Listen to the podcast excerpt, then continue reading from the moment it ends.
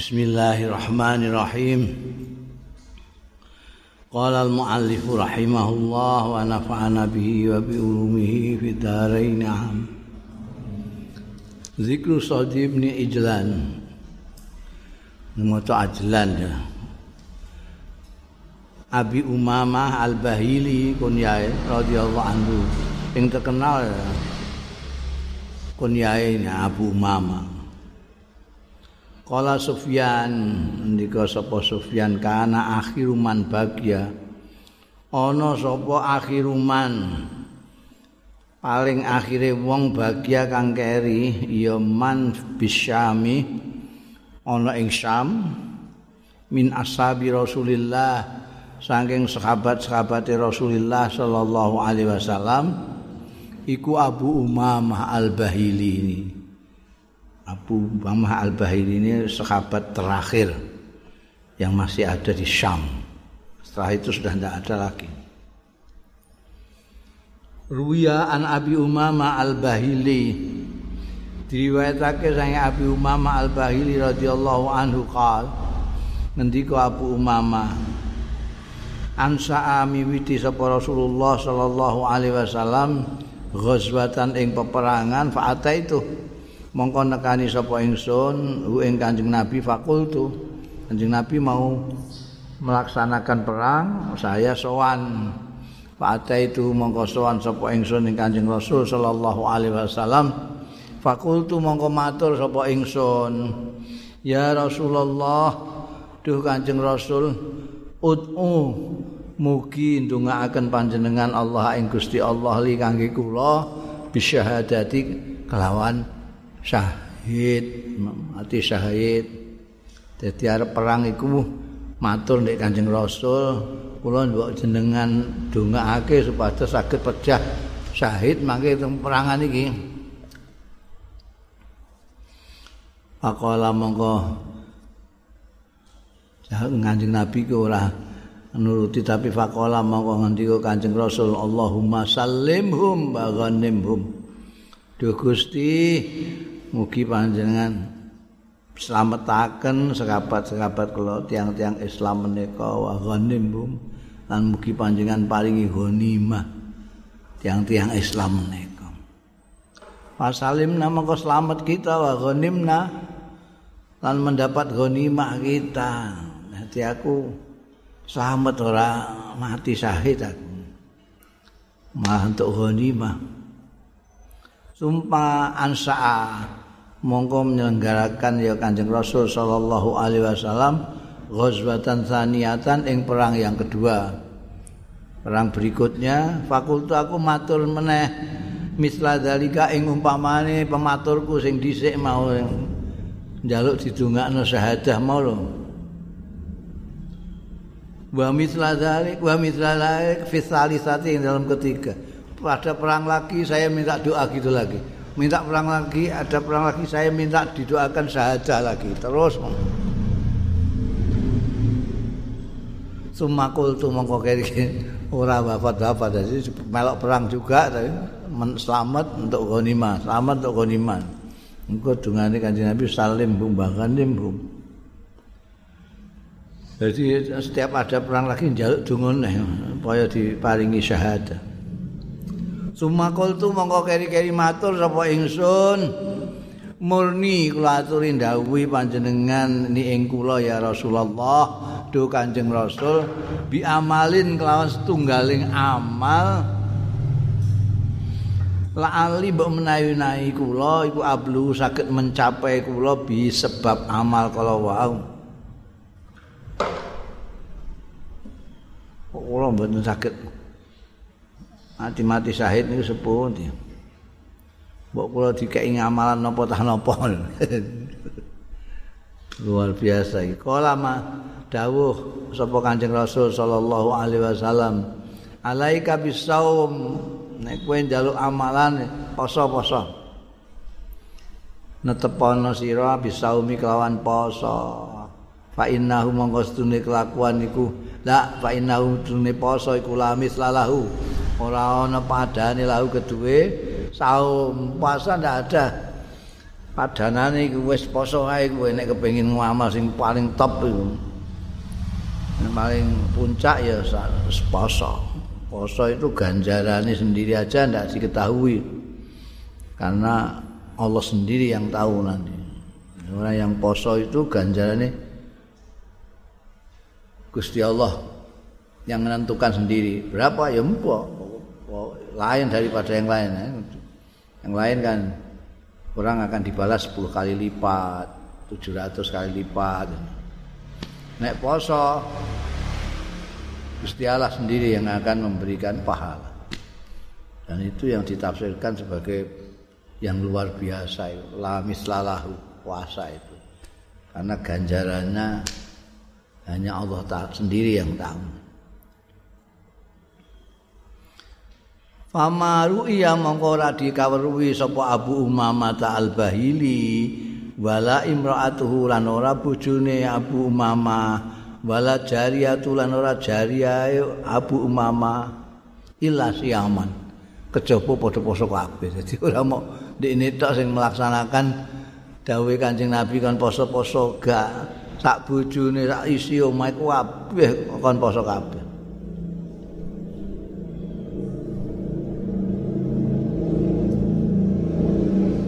Wakana idza ru'ya fi darihim.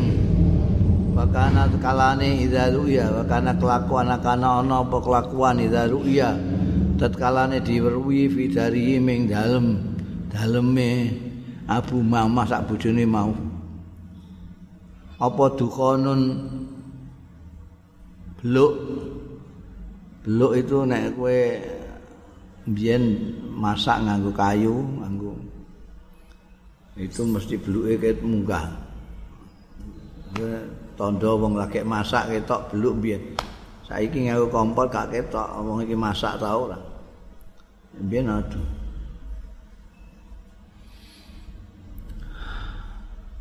Nek ana dukun ngono wong ngene. Kila itarahum daifun. Kana idza ru'ya fi darim dukun kila diucapake apa dawuh iktarahum daifun. Nekani ing mereka apa daifun? Tamu.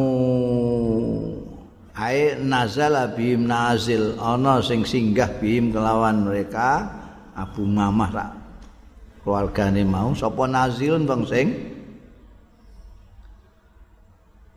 Singgah. Ya ora Abu Mamah wong-wong iku janji ana beluk ngono. Wah iki mesti ana tamu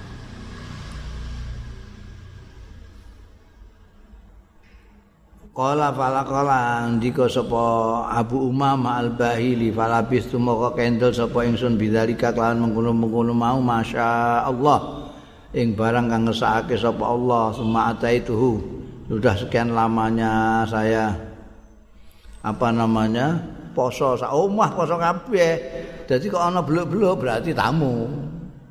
Mereka gak tahu masak dewi kanggo mereka sendiri karena poso kabel.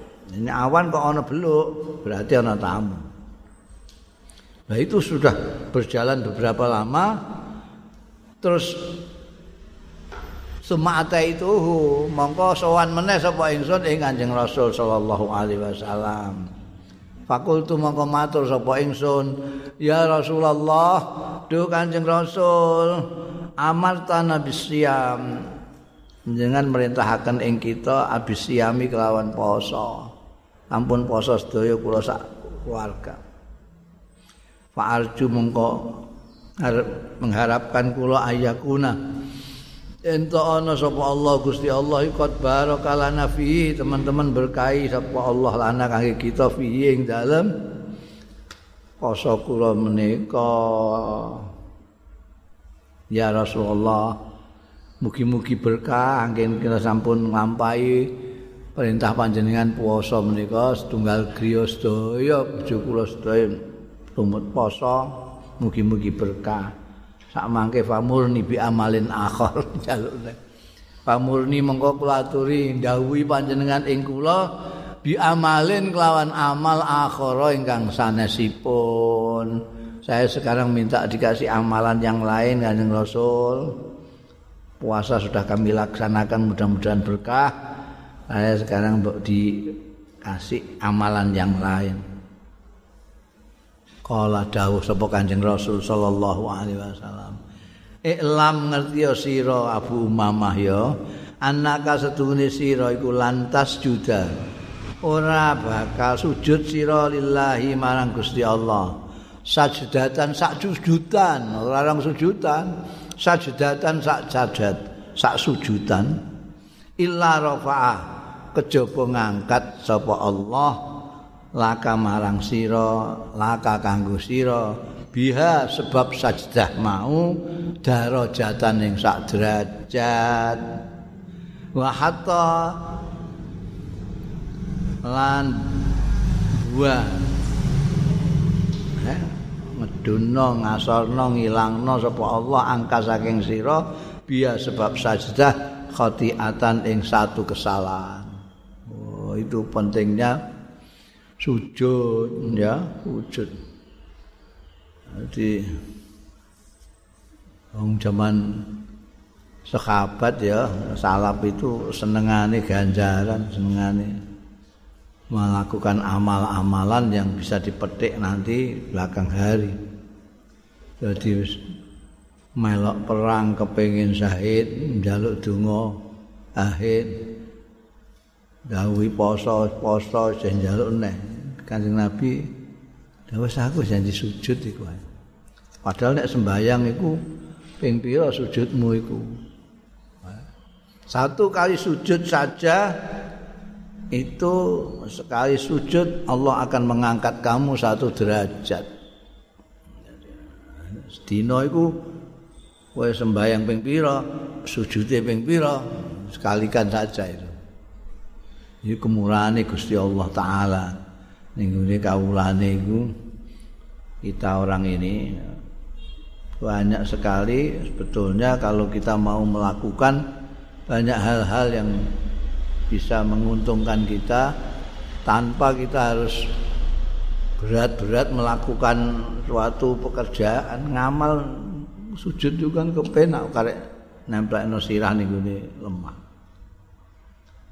Eh, yang penting bahwa dengan sujud itu kita meluhurkan Allah Ta'ala dan merendahkan diri kita sendiri. Ojo sujud tapi dengan meninggikan diri sendiri. Jangan takbir tapi dengan membesarkan diri kita sendiri. Begitu takbir kita harus mengecilkan diri kita sekecil-kecilnya karena kita sedang berhadapan dengan Allah Subhanahu wa taala. Kalau kita sedang sujud dan mengatakan subhana rabbiyal a'la berarti kita itu paling rendah sendiri.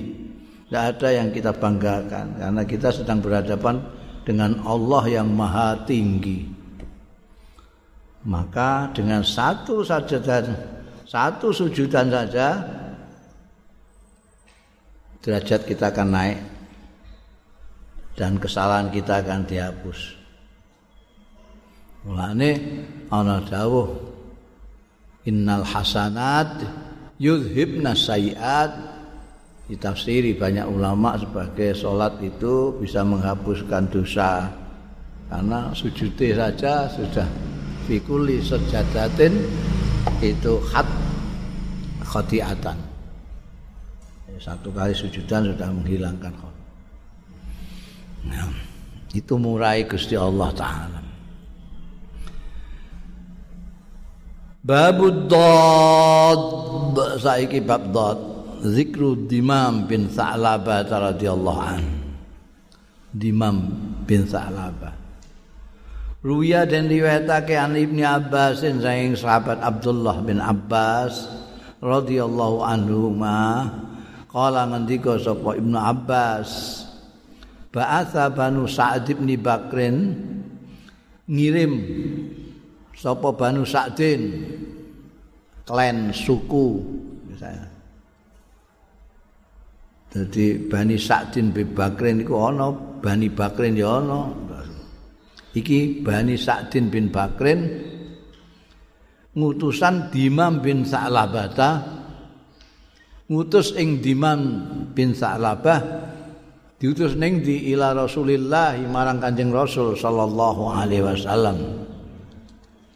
Datanglah Dimam sebagai utusannya Banu Sa'id pada Rasulullah sallallahu alaihi wasallam. Fa anakha mongkon diprokno ya Dimam bairahu ing ontane Dimam. Nek gak mbok anakha enggak enggak mbok diprokno gak iso mudhun kowe dhuwure ra karuan. Fa'ana khabi'irahu ala babil masjidi ing atase lawang masjid.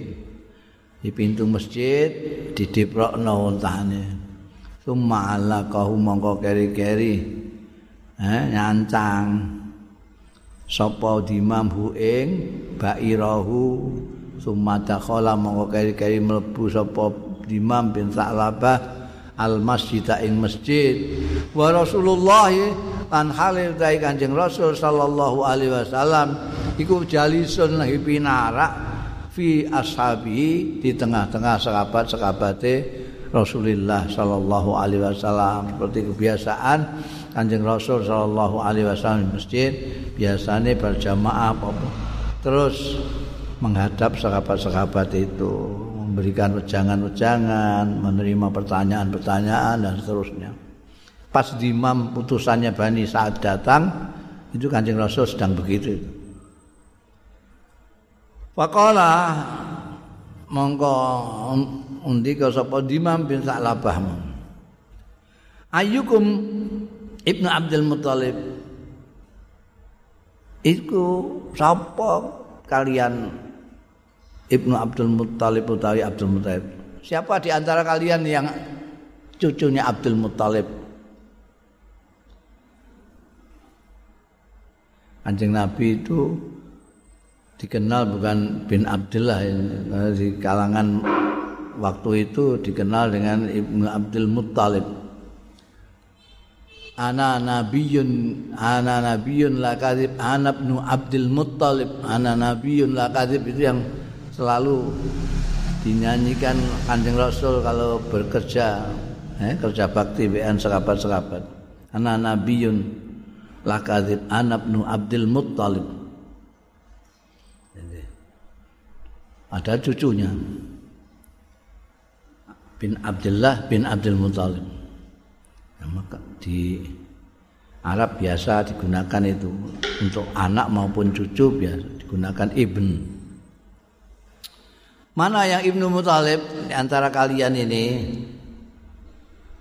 Faqala mongko dawuh sapa Rasulullah sallallahu alaihi wasallam, "Ana ana Ibnu Abdul Muthalib." Aku Abdullah bin Muthalib. Ini menunjukkan apa? Kenapa kok sampai dimantahnya? Eh, kok ning gune kene Mamane ning gune kene ngadep ning gune kiai kumpul santri. Wis ora takok. Wis ngerti ya kiai ini sapa? Linggihane dhuwur dhewe kene kok. Linggihane dhuwur dhewe wong gagah dhewe ya. Lu ketok ngono lho. Itu artinya apa kok enggak sampai takon itu? Apa enggak cerdas apa piye dimam? Bukan. Itu saking egaliternya.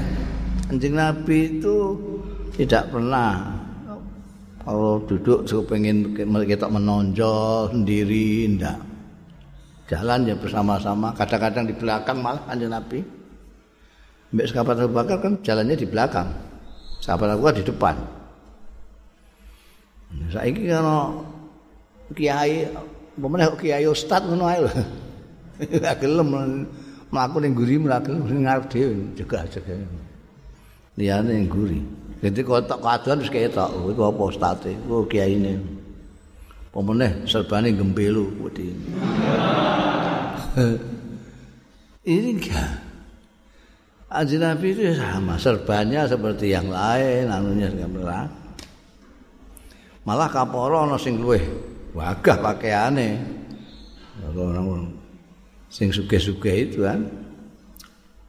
Ya kan Nabi kan senengane kumpul karo wong melarat itu ya enggak ada yang bisa membedakan. Kecuali nek berani memandang wajahnya wajahnya ketok mencorong ya iku tapi nek ngumpul biasa ngene ora mbok perhatekno pedanane ya mbok darani padha ae mbek liya-liya. Nah ditakokno. Endi sing Ibnu Abdul Muthalib? Ana.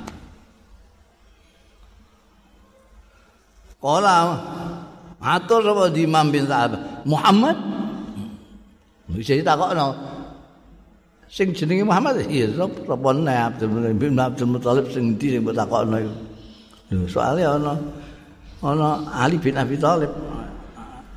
Abi Thalib kan putrane Abdul Muthalib juga. Muhammad, ya. Qala dawuh sapa Kanjeng Nabi, "Na'am." Qala matur sapa Imam bin Sa'labah, "Yabna Abdul Muthalib."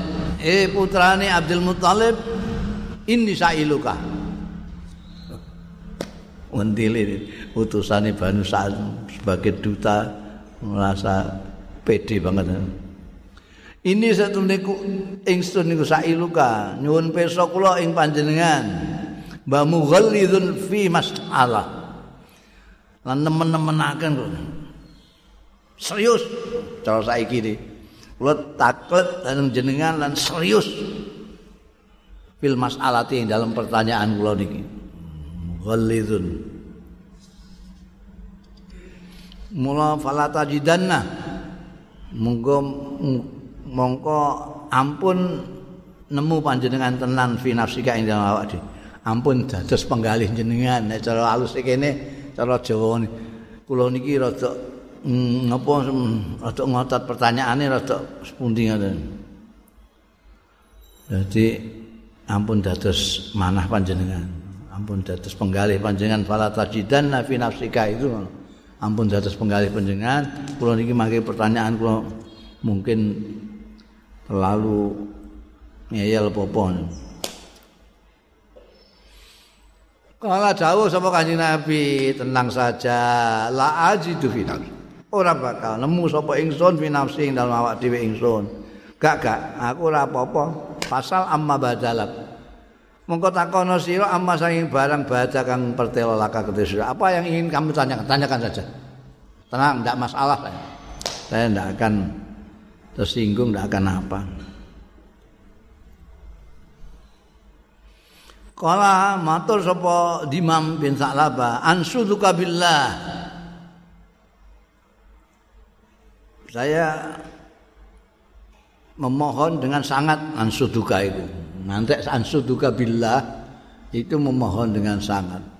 Saya meminta dengan sangat atau memohon dengan sangat itu orang Arab mengatakan ansuduka billah.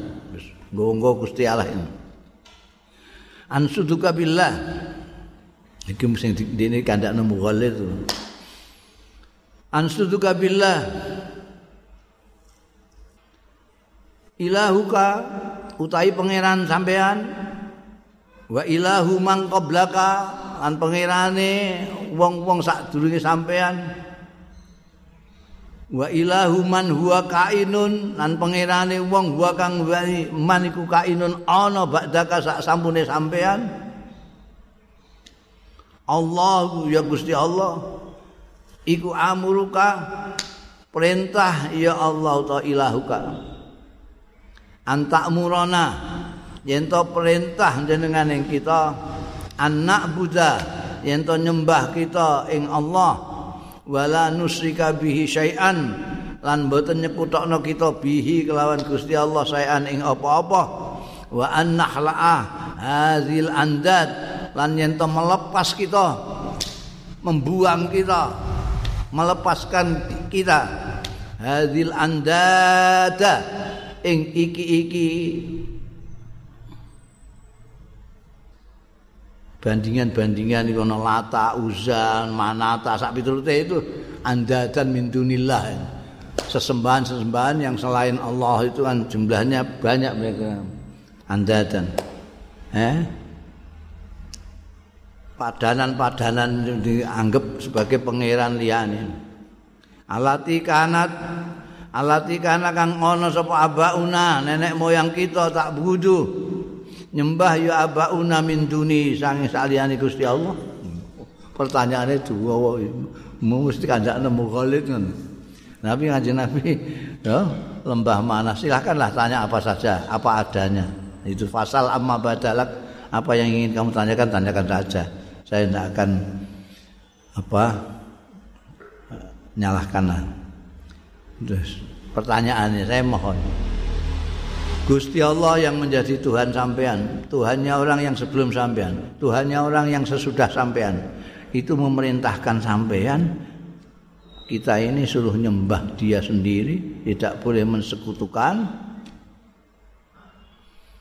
dengan apa pun juga dan kita harus melepaskan sesembahan-sesembahan yang lain selain dia. Padahal ini sudah disembah oleh nenek moyang kita. Apa begitu? Begitu benar. Dawuh sapa Kanjeng Rasul sallallahu alaihi wasallam. Allahumma na'am. Ya. Allahumma na'am. Ya Gusti, na'am enggak. Untuk mengukuhkan na'amnya dengan mendahulinya dengan Allahumma. Allahumma na'am. Kowe ditakoki wong muni tapi jane nemen kowe muni Allahumma na'am. Ya, anjen ngono.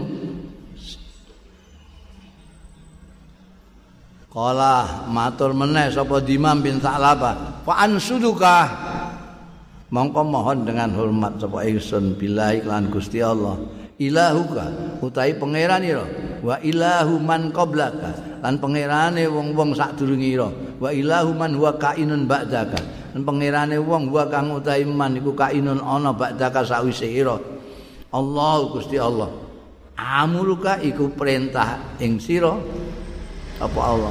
An nusalliya ento salat kita hadhi salawatil khams ing iki-iki salat lima waktu. Salat-salat yang dikerjakan orang ini kan memang perintah dari pangeranmu. Pangerane wong sebelum kamu. Pangerannya orang yang sudah kamu. Allah taala yang menyuruh. Kala dawuh sapa Kanjeng Nabi Allahumma na'am. Ya. Pancen. Sukola ha?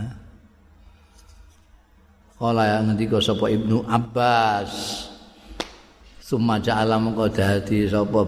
Dimam bin Sa'labah iku yazkuru nutur ya Dimam faraidul islami ing kefarduan-kefarduan Islam. Faridatan faridatan.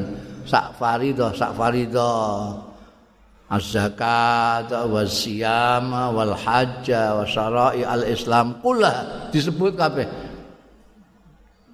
Ya kaya ngono model ngono. A ilahuka wa ilahu man qablaka ilahu man huwa kainun ba'daka Allahu amuruka bizakati siyami wal haji wa salat ngono. Pertanyaane dimam sing kandakno diakui sendiri sebagai mughallil mau. Jadi menurut Ibn Abbas kemudian dimam ini menuturkan faridah faridah Islam satu-satu. Faridah dan faridah dan zakat siam haji sarail Islam kula yunasiduhu memohon dengan hormat sapa dimam bin Sa'labah hu ing Kanjeng Rasul sallallahu alaihi wasallam. Artinya ditanyakan semua itu sama Kanjeng Rasul. Apa ini juga diperintahkan Hatta idza faragha sehingga tetkalane rampung sapa imam menyebutkan satu persatu dari faridah-faridahnya. Kala matur sapa imam fa inni mongko stune ingsun niku asyhadu nyekseni kula anstune kelakuan la ilaha illa ora ana pangeran kang wujud lang sinembah illallah kejaba Gusti Allah wa asyhadu lan nyekseni sapa ingsun anna Muhammadan setuhune. Anjing Nabi Muhammad iku Rasulullah iku utusane Gusti Allah.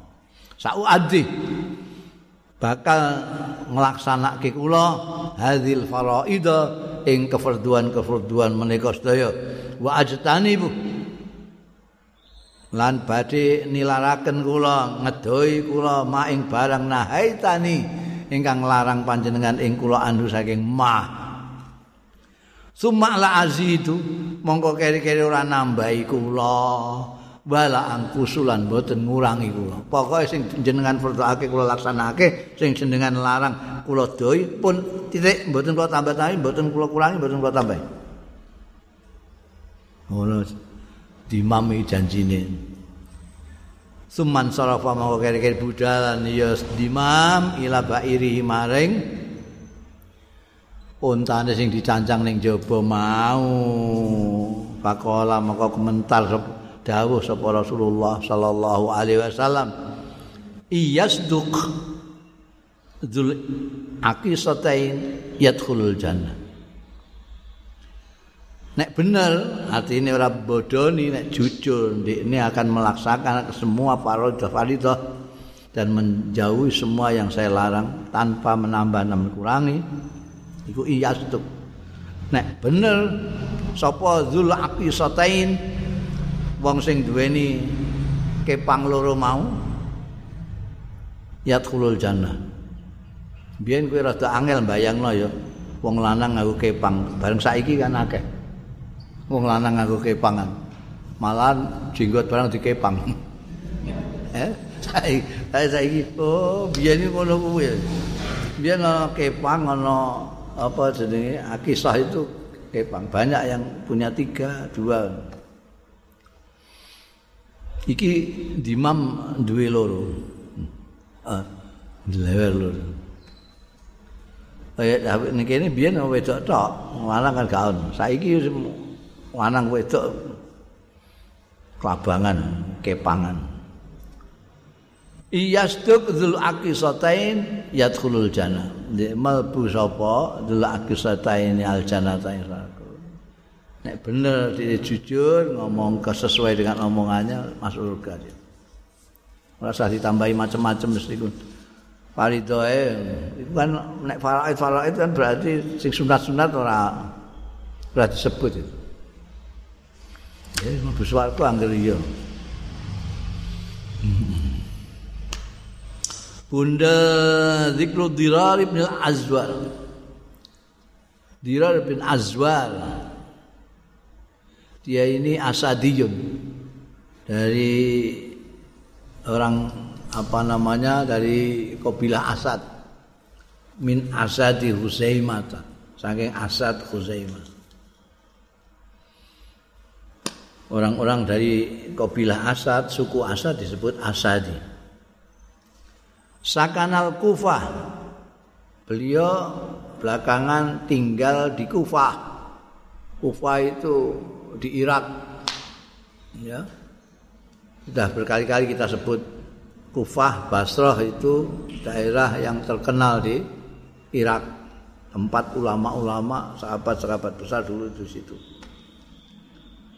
tempat dua kirane sahabat-sahabat besar juga di situ itu Kufah hambean di sebelah anunya Irak ada mepet Iran.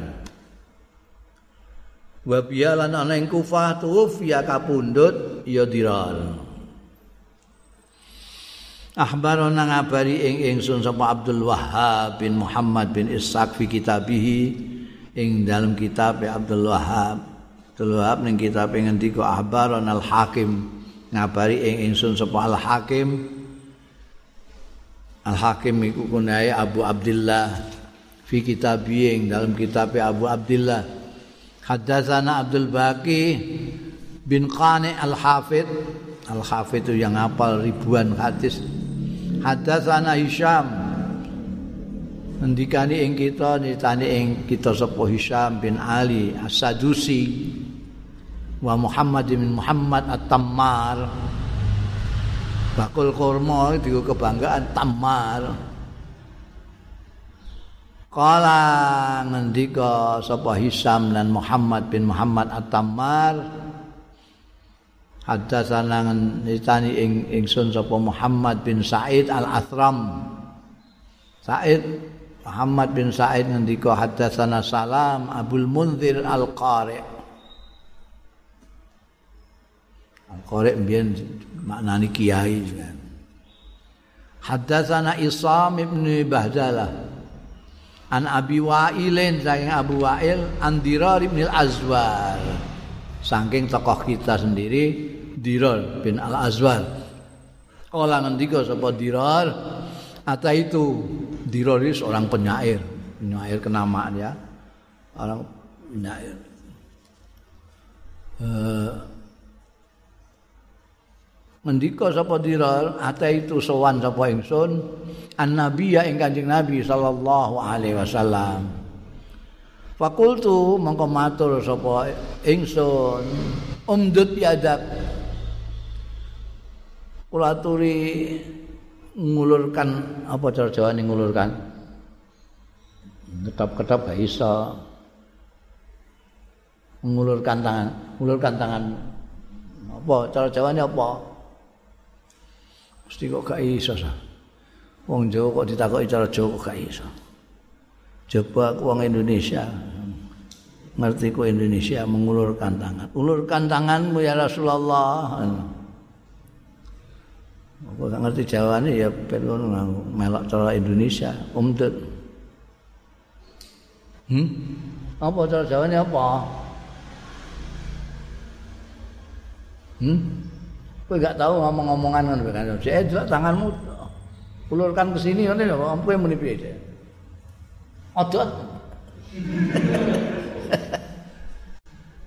ya wis nganggo bahasa Indonesia wong kowe ora iso cara Jawa.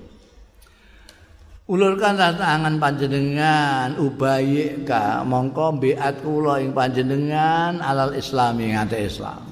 Sowan. jadi dirar bil azwari sowan kanjeng nabi dan mohon panjenengan ulurkan tangan panjenengan. Kula tak biat jenengan alal islam.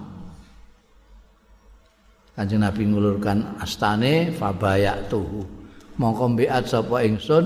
Ing kanjeng rasul sallallahu alaihi wasallam. Sumakul tu mongko berpuisi sapa ingsun. Kultu dhewe penyair ini ngomong akeh saire timbangan perbedaannya dengan penyair-penyair sekarang penyair dulu itu bisa irtijalan bisa improvisasi. Jadi ngomong itu terus langsung gawe sair itu iso. Saya nggak iso ngarang se sedina rong dina rong bengi kadang-kadang gak jadi bareng nah ini langsung begitu keinginannya tersampaikan bisa sowan kancing Nabi bisa dibeat terus langsung ngomong taraktul kidaha wa azbal kiyan wal khamra tasliyatan waqtihalan wa karril mukhbara fi ghumratin wa hamli alal muslimin al kitala fa ya rabbi la ubayanna bai'ati wa qad bi'tu ahli wa mali bidala. Oh, itu puisinya bagus. Padahal improvisasi seketika. Pada saat itu enggak ngarang sik bareng Wah nek saiki kowe dan ngeling-ngeling wazan arut barang. Eh, iki bahare bahar apa barang. Taraktul kidah. Aku tinggalkan gelas-gelas tempat-tempat minuman keras. Kalau disebut kas atau kedah oleh penyair itu maknanya minuman keras. Kowe maca kaos atau qadah di syair-syairnya Abu Nuwas itu artinya homer anggur minimal anggur. Sekarang itu dibuat piala. Memang maknanya kaos itu piala. Piala itu hanya untuk minum minuman keras, hanya untuk minum anggur. Nah, nganggo apa? Banyu legen nganggo bumbung. Iku ana anune dhewe-dhewe. Saiki di sing model kene tangane sirik ini. ini. Seperti yang di piala-piala itu minuman itu. Itu dulu tempat minum. Orang mengatakan qadah atau kas.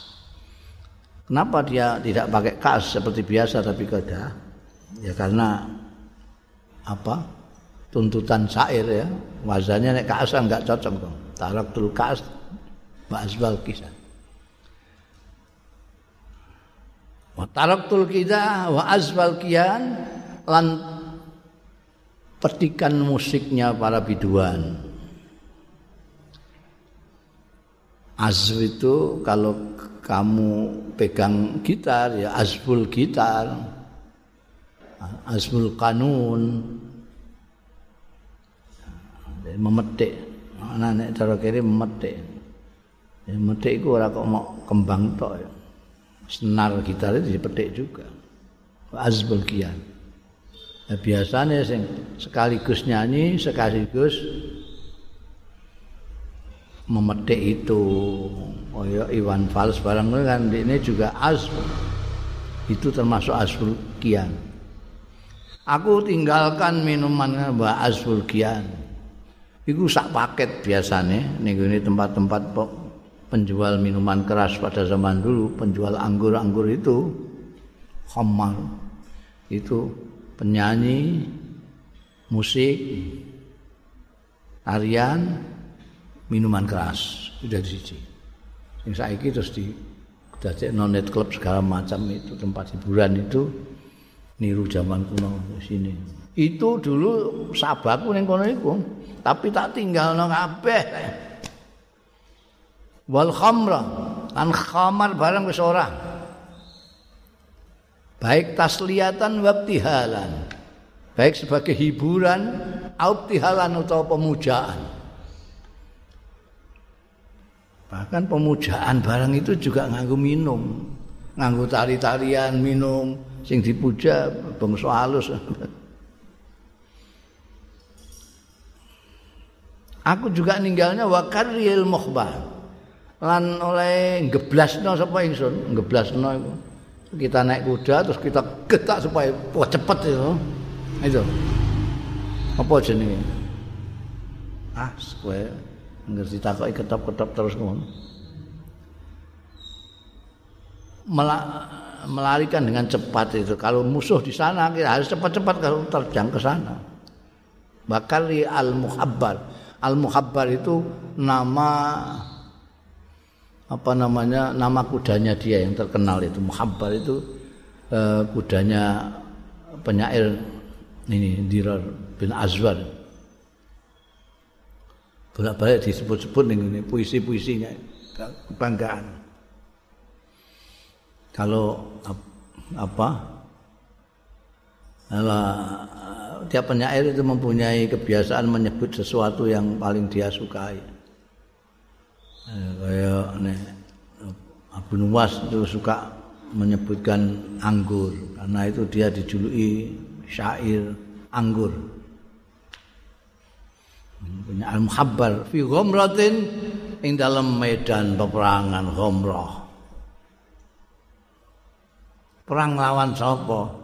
Wa hamli lan anggone nggawa ingsun alal muslimina ing atase wong Islam mendorong ingsun alal muslimin al kitala ing peperangan. Jadi dulu itu Diror ini seperti halnya uh, Kaab segala macam itu. Dulu itu kan orang kafir musuhi kanjeng Nabi.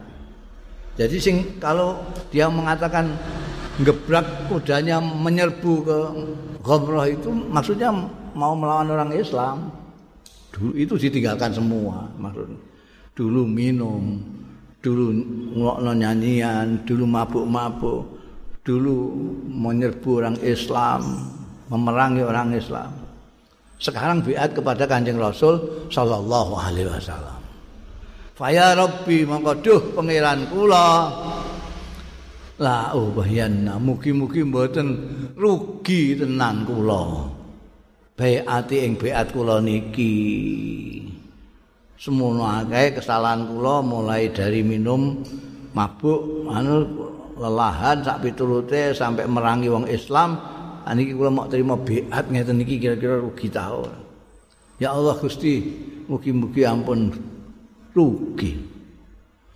Waqat bitu lan teman-teman pun kula ijolna kula sedol kabeh ahli keluarga kula wa malian bondo kula bidalan sebagai gantinya. Gantine biat kula tengene Kanjeng Rasul kula tinggal sedaya. Keluarga sing isih gak gelem melok kula nggih, kula tinggal bondo kula. Buat bas kabeh. Ora.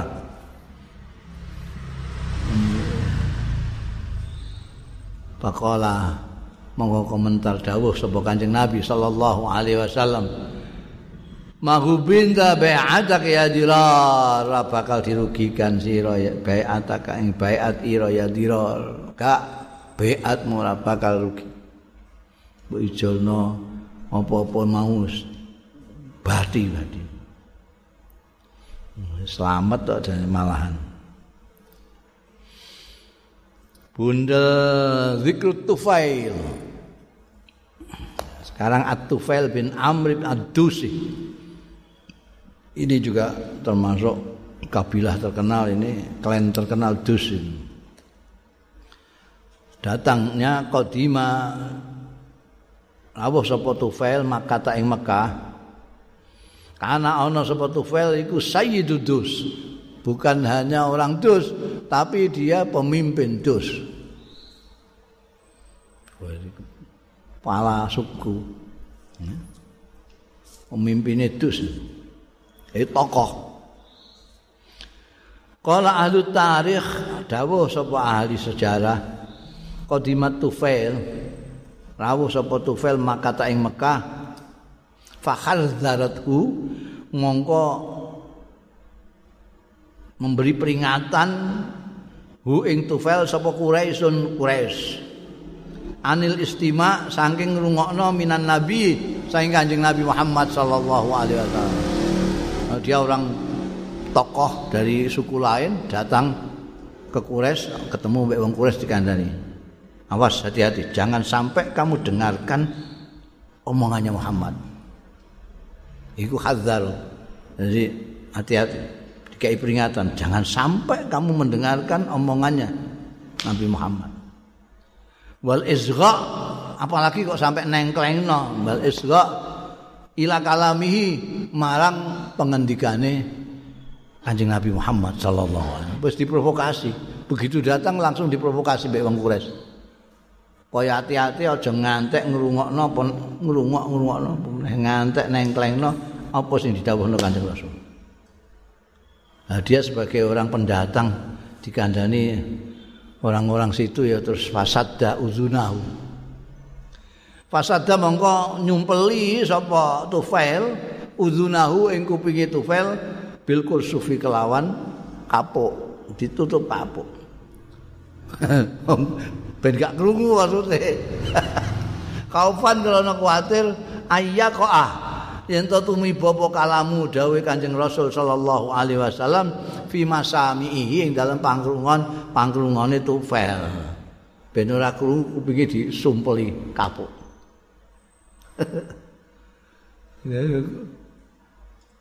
ben ora kebonan karena ada orang-orang itu yang takut dengan suara kebenaran itu ada nah ini barang kan akeh wong kowe aja ngono ngomongane kok bahaya ngono. Karena dia takut. Ngono ngantek katut itu ini biyen nomomen wong kurasi kok angger wong teko dikandani ngono. Hati-hati aja ngantek. Sumpeli kupingmu iki tufel itu tokoh barang iki ngandel ae kupinge ditutupi. Ben ora krungu apa-apa kok Kanjeng Nabi. Tapi fa aballah ora kersa sapa Allah illa ayyadiyahu no Gusti Allah itu mulane bolak-balik tak kandakno mau semau gue ya iku. Fa aballah mangko ora kersa sapa Allah illa kejaba ayyadiyahu yen to paring hidayah sapa Allahu ing tufel fahadahu mongko paring hidayah sapa Allah ing tufel. Tutupi kuping kurang percayane. Tapi nek Gusti Allah ngersakno kowe untuk hidayah tetap untuk hidayah. Itu hak prerogatif Gusti Allah itu adalah memberi hidayah Mulanya saya berkali-kali mengatakan kita yang sudah dapat hidayah ini jangan pernah lalai untuk banyak bersyukur pada Allah Subhanahu wa taala. Tidak semua orang orang mendapat hidayah bukan karena pandai bukan karena hebat, bukan karena cerdas, bukan akalnya banyak, bukan. Karena dikendaki oleh Allah Subhanahu wa taala. Bukan karena kedekatannya dengan Rasulullah juga tidak. Kita itu jauh sekali dengan Rasulullah itu. Baik dari jarak geografi maupun jarak waktu maupun apa saja. Jauh. Kita itu di ujung paling timur sini. Anjing Nabi di tengah-tengah sana. Timur tengah, tengah. Jauh. Tapi Allah mengendaki kita mendapat hidayah, mendapat hidayah jadi anak baik kanjeng Nabi Muhammad Sallallahu Alaihi Wasallam. Ada orang yang paling dekat, sangat dekat. Tidak ada orang yang sedekat dia, tapi tidak mendapat hidayah. Ya tidak ikut kanjeng Nabi. Siapa? Abdul Uzza alias Abu Lahab. Itu tetangganya, pamannya, besanan anak dua dengan kanjeng Nabi Muhammad Sallallahu Alaihi Wasallam. Tidak ikut malah misoi kanjeng Nabi. Jadi jangan nyepelekan anu orang terus mengandalkan kehebatannya, mengandalkan pinterannya, pinter mesti iman. Nek cedak kanjeng Nabi mesti terus iso untuk hidayah. Enggak. Gusti Allah. Ini, ini tufel ini ditutupi kupingnya kok bisa. Isa untuk hidayah. Lah Gusti Allah sih kono no. Fa aslama. mongko mlebu Islam kecewa wong kures sing memprovokasi gak iso provokasi kaya apa ae ra kalau dia sudah dapat hidayah dari Allah bisa ada yang bisa ngalang-alangi fa aslama mongko mlebu Islam sapa Tufail bin Amr. Wala ja'alan kundur ya Tufail ila qaumi marang kaume orang-orang dus sana fada'ahum ilal Islam. Mongko ngajak sapa Tufail hum ing orang-orang dus ilal islami marang Islam fa abau mongko ora gelem ya kaummu ayus limu ento mlebu Islam. Iki padahal pimpinannya kepala suku kepala suku ngejak gak gelem Mulai batinmu kan iki pimpinane kena mesti kabeh do manut bedene iki wong kait wingi dhek dadekno tetua kok Tapi wong Gusti Allah sing nentukan. Pulang sebagai muslim ngajak kaumnya tidak mau. Fasa Allah mongko lu pintere ning kene. Makanya itu hak prerogatif Gusti Allah taala, maka dia minta kepada Gusti Allah. Mumpung ada utusannya, kekasihnya. Fasa Allah mongko nyuwun sapa Tufail bin Amr Rasulullah ing Kanjeng Rasul sallallahu alaihi wasallam. Tapi ini nyungune malah ya kaya ana pimpinan yang ditolak ambekan anak buah itu biaya ora ratine eh Jadi nyungune Gusti Kanjeng Rasul iki ora kok njaluk anu ngono gak njaluke itu ayat wa alaihim. Poyo Kanjeng Nabi ndongakno elek. Sebab balik diterangno nek yat ulahu iku ndongakno apik nek yat alai itu ndongakno elek maksudno nek cara kene ne. Lah iki kon niku anu Kanjeng Nabi wah wangkot-wangkot kuandani mboten anu blas pun watu kabeh atine ojak Islam mboten purun jenengan ndongakno sambel gelap mawon. Mawon. an wa alaihim. Lah Kanjeng Nabi kok ket mbiyen wis mulai ngono ning gone Taif pertama kali Islam dulu itu sudah di, malah ora Tufail bin Amr, malaikat dhewe sing njaluk Kanjeng Nabi gak kersa. Saiki Tufail njaluk kaum dipasot nafaqala. Monggo dawuh sapa Kanjeng Nabi, ndonga sapa Kanjeng Nabi sallallahu alaihi wasallam. Wis ini tak ndonga. dungane Allahumma hdi tausan wa wa ati bihim Duh Gusti mugi panjenengan tedahaken paringi hidayah dosan tiang dos Kobilah dus anak buahe Tufel. Wa ati bihim lamugi nekaaken panjenengan bihim kelawan kaum. Eh tret ngono ae sing njaluk kekasih Gusti Allah. Pidato ni mumbluk murah ambekan pimpinane ora gelem dongakno Kanjeng Nabi set. Itu pentingnya doa di samping ikhtiar itu ya. Ikhtiar aja mandek. Kanjeng Nabi ndungane ihtidausan wakti bihim. Akhirnya datang kabeh berbondong-bondong ke Kanjeng Rasul sallallahu alaihi wasallam. Itu semangat dakwah itu begitu. Oh gak kok iki sekaligus itu ngajari Tufel supaya jangan begitu carane anak buahmu ra gelem aja terus mbok sikat. Tapi didongakno supaya padha-padha slamete karo awakmu gitu. Wa qala ya Rasulullah utung